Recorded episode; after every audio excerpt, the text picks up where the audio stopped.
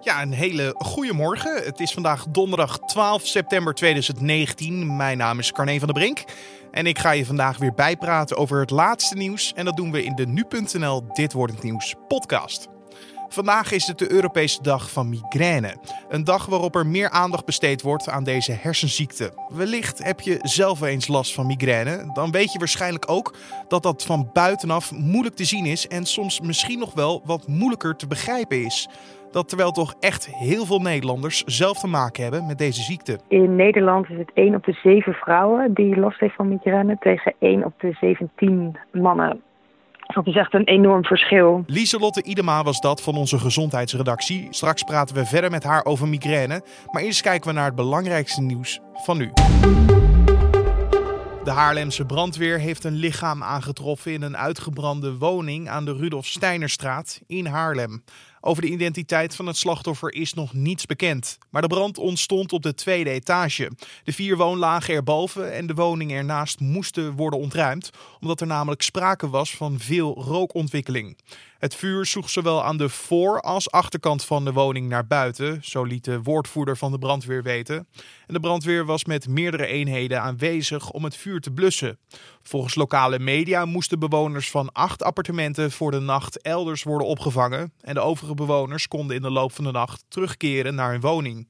Over de oorzaak van de brand bestaat er nog veel onduidelijkheid, want er gaan geruchten dat de brand kwam door een explosie. Maar dat kan nog niet worden bevestigd door de veiligheidsregio. Het Verenigd Koninkrijk wacht wanorde, chaos, schaarste en rellen als het land zich in een no-deal Brexit stort. Dat staat in officiële documenten die woensdag door de Britse regering zijn gepubliceerd.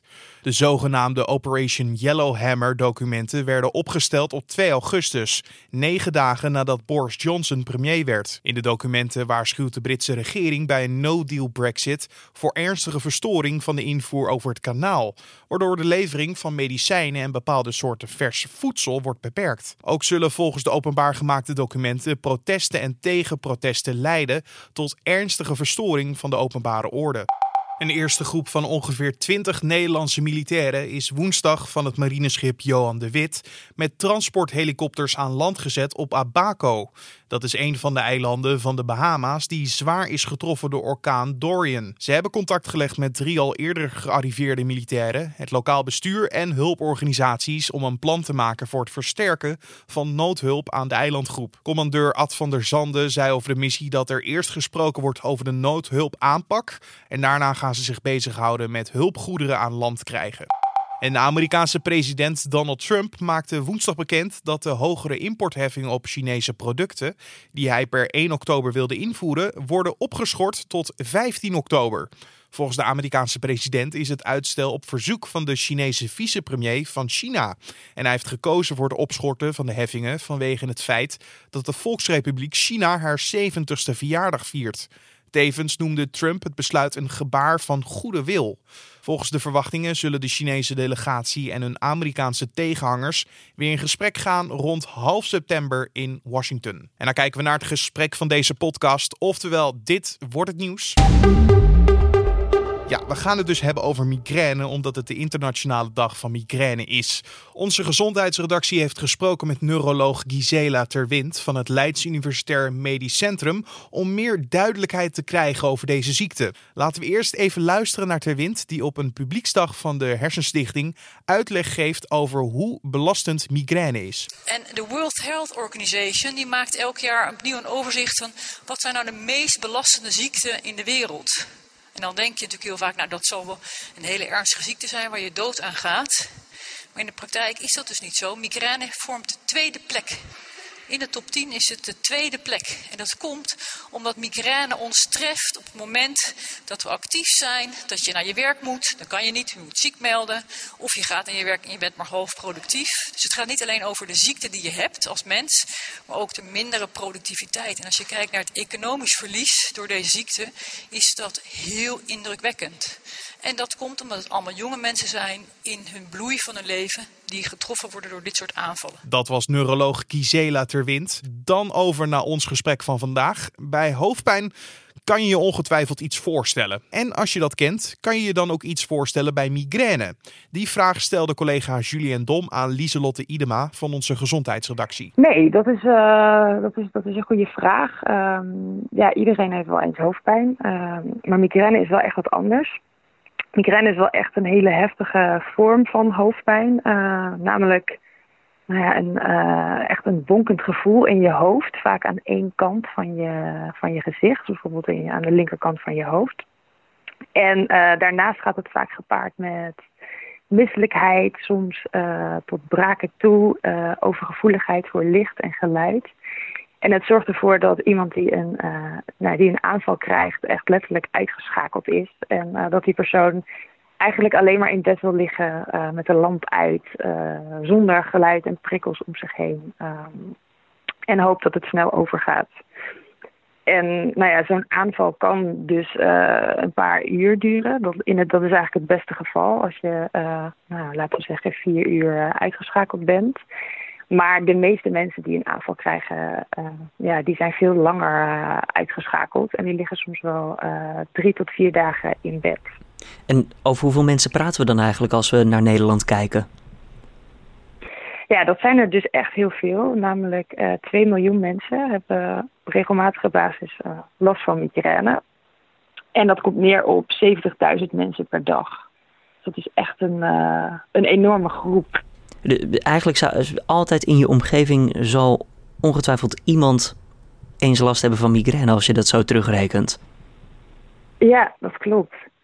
En ik weet niet hoe dat, hoe dat bij jou zit, maar uh, je hoort er eigenlijk helemaal niet zoveel mensen over. Nee, is het een taboe uh, dan? Of? Toch, ja, nou ja, dat, uh, het, het, het schijnt of heel veel mensen die migraine hebben dat toch heel lastig vinden om dat ze het gevoel hebben dat ze ja, dat ze aan het zeuren zijn en dat inderdaad mensen denken, nou, hè, je hebt hoofdpijn, uh, doe niet zo moeilijk, dat gaat wel weer over, neem een paracetamol. Uh, maar daarover, ja, het, het is moeilijk uit te leggen natuurlijk, want je noemde het net al eventjes een ziekte, migraine, uh, maar hoofdpijn wordt volgens mij niet een ziekte genoemd, toch?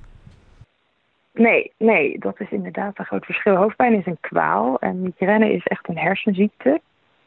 Uh, dat wordt uh, ja, veroorzaakt doordat er een, een storing optreedt in, uh, in je hersenen. En dat is ook ongeveer het enige wat we weten over hoe het wordt veroorzaakt. Um, omdat daar ontzettend veel onderzoeken naar lopen en omdat ja, de artsen eigenlijk niet precies weten hoe het nou komt, hoe je migraine krijgt. Waarom de een het wel krijgt en de ander niet. En waardoor het wordt uitgelokt. Ik heb zelf gelukkig geen last van migraine. Ik klop het ook meteen eventjes af. Nee. Maar um, ja, ik zou inderdaad denken dat het veroorzaakt zou worden door stress. Maar dat, dat is dus niet zo. Daar weten we vrij weinig over. Ja, dat klopt. Daar weten we heel weinig over. Mensen denken het wel. Er gaan heel veel uh, fabels uh, rond over hoe je, nou ja, wat een aanval zou uitlokken. En uh, ja, sommige mensen denken dat dat inderdaad stress is thuis of op werk. Er gaan ze verhalen over dat het te maken heeft met, uh, met voeding, bijvoorbeeld chocola of uh, alcohol. Maar uh, wetenschappelijk onderzoek wijst dat zeker niet uit. Eigenlijk het enige wat, wat de wetenschappers wel weten is dat, dat er een link is met hormonen. vooral vrouwelijke hormonen. Uh, omdat veel vrouwen uh, aanvallen krijgen als, uh, nou, rond hun menstruatie of juist rond de overgang. Kan je dan ook zeggen dat meer vrouwen last hebben van migraine dan mannen? Ja, ja veel meer. In Nederland is het 1 op de 7 vrouwen die last heeft van migraine tegen 1 op de 17 mannen. Dat is echt een enorm verschil. En ja, dan komen we weer terug op het, nou, het hormonenverhaal dat men uh, heel, naar aanwijzingen ziet dat, uh, ja, dat vrouwelijke hormonen invloed hebben op, uh, op migraine, of het, op het hebben van migraine. Is er, is er toch iets, weet je, we weten er weinig over, maar deze vraag is belangrijk om te stellen. Is er toch iets wat je er tegen kan doen om het enigszins te voorkomen? Nou, uh, weinig. Ja, uh, uh, we, weten, nou ja, we weten dus alleen dat het iets te maken heeft met, met hormonen. men denkt ook dat het. of je hebt een bepaalde overgevoeligheid als je een aanval krijgt. Dus als je heel erg vermoeid bent, of dus als je vrouw bent en je bent ongesteld. nou ja, dat kan allemaal ermee te maken hebben. En artsen geven vaak het advies om regelmatig, uh, nou, om regelmatig te leven met structuur. Ehm, dat zou helpen, maar ja, daarnaast trucjes om je, je leven anders in te richten zijn er niet. Er zijn wel medicijnen zo zijn er medicijnen die je kunt innemen als je een aanval krijgt, speciale migraine medicijnen. En er zijn ook medicijnen die een aanval onderdrukken. Uh, maar die helpen jammer genoeg niet altijd. en um, het, het, het probleem en het gevaar van die medicijnen is ook weer dat veel patiënten, namelijk 50.000 per jaar, te veel van die medicijnen nemen en daardoor eigenlijk nou, verslaafd raken daaraan en de migraine voeden. Waardoor ze ja, een, een, een medicatiehoofdpijn ontwikkelen. Waardoor ze eigenlijk alleen nog maar meer last krijgen van migraine en hoofdpijn. En dit gaat wel over mensen die echt veel medicatie gebruiken, namelijk 15 dagen per maand. Of meer. Maar ja, oftewel dat dus niet doen, uh, daar vooruit, voor, vooral uit de buurt van blijven. Ja, ja dat is het, het beste advies. Wat, wat, nou ja, dat is ook het advies wat artsen geven. doe dat niet. En überhaupt, als je last van migraine hebt, ga naar je huisarts en overleg hoe je, hoe je het beste mee om kan gaan en welke medicijnen je wel en niet moet nemen en wat je moet doen. Het is heel belangrijk om, om dat in overleg te doen met je arts en niet zelf een een plannetje te smeden. Juist ook omdat er zoveel mythes en verhalen over migraine rondgaan. Wat je wel niet zou moeten doen. Nou hebben jullie gesproken met uh, Gisela Terwind, neuroloog bij het LUMC, het Leids Universitair Medisch Centrum. Ja. Zij doet onderzoek naar migraine. Is er een manier waarop je dan ook haar zou kunnen helpen? Ja, dat kan zeker. Er lopen verschillende onderzoeken naar oorzaken van migraine. En je kunt jezelf uh, opgeven om daaraan mee te werken als je zelf last hebt van migraine. En dat kan heel makkelijk door te gaan naar uh, hoofdpijnonderzoek.nl. En daar vind je informatie over de verschillende onderzoeken en uh, over of je je wilt opgeven. En uh, nou, dat kun je daar doen. Hoofdpijnonderzoek.nl dus, als je meer informatie wil over migraine en over het onderzoek naar de ziekte. Lieselotte Idema hoorde je in gesprek met collega Julien Dom. En dan kijken we nog even naar de nieuwsagenda van vandaag. Want een Japans stel uit het Brabantse Molenschot hoort vandaag wat voor straf ze krijgen voor het mishandelen van vijf van hun zeven kinderen. Die lieten zij zo verhongeren dat er volgens het OM sprake was van poging tot doodslag. De kinderen vielen op school op omdat ze voedsel uit de prullenbakken haalden, eten steelden van andere kinderen en blauwe plekken hadden.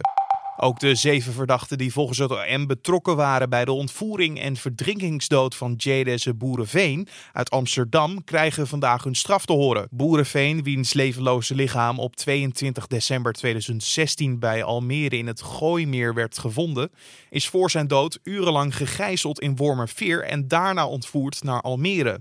Vermoedelijk is hij daar in het water gevlucht en uiteindelijk verdronken. En dan de weersverwachting van vandaag. De donderdag begint met veel bewolking. In het zuidoosten is er kans op een enkele bui. De zon breekt geleidelijk door en de gemiddelde temperaturen schommelen tussen de 19 en 22 graden. En er staat een matige tot krachtige wind vanuit het westen. En om af te sluiten nog even een bijzonder vliegtuignieuwtje. Want de Europese vliegtuigproducent Airbus heeft de cabine van een nieuw toestel voorzien van meerdere sensoren die meten wat passagiers aan boord van het vliegtuig doen, al dus CNBC. Afgelopen augustus werd het toestel, en om even precies te zijn, de A350-900, voor het eerst getest. En het doel van de sensoren is om de behoeftes van passagiers in kaart te brengen en om geld te besparen. Nou, wat meten dan die sensoren? Onder andere de toiletten in het toestel zijn uitgerust met deze camera's, zodat gemeten kan worden hoe vaak het toilet gebruikt wordt. Daardoor weet het cabinepersoneel wanneer bijvoorbeeld toiletpapier en zeep aangevuld moet worden. Maar ook wil Airbus camera's aan boord plaatsen om te monitoren hoeveel mensen in de rij staan voor het toilet. Vervolgens willen ze dan aangeven hoe lang de wachtrij is en welk toilet je het beste als passagier kan gebruiken. De gezichten van passagiers zullen wel geblurred worden om de privacy aan boord te waarborgen.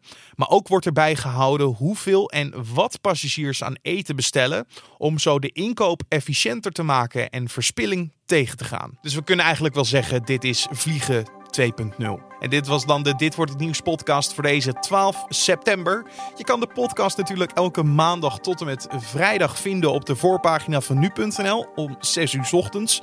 En ook in je favoriete podcast app. En eigenlijk is dat heel makkelijk. Je pakt gewoon je telefoon of je tablet en dan ga je bijvoorbeeld naar iTunes als het een Apple product is. Of eh, de Google podcast app als het een Android uh, apparaat is.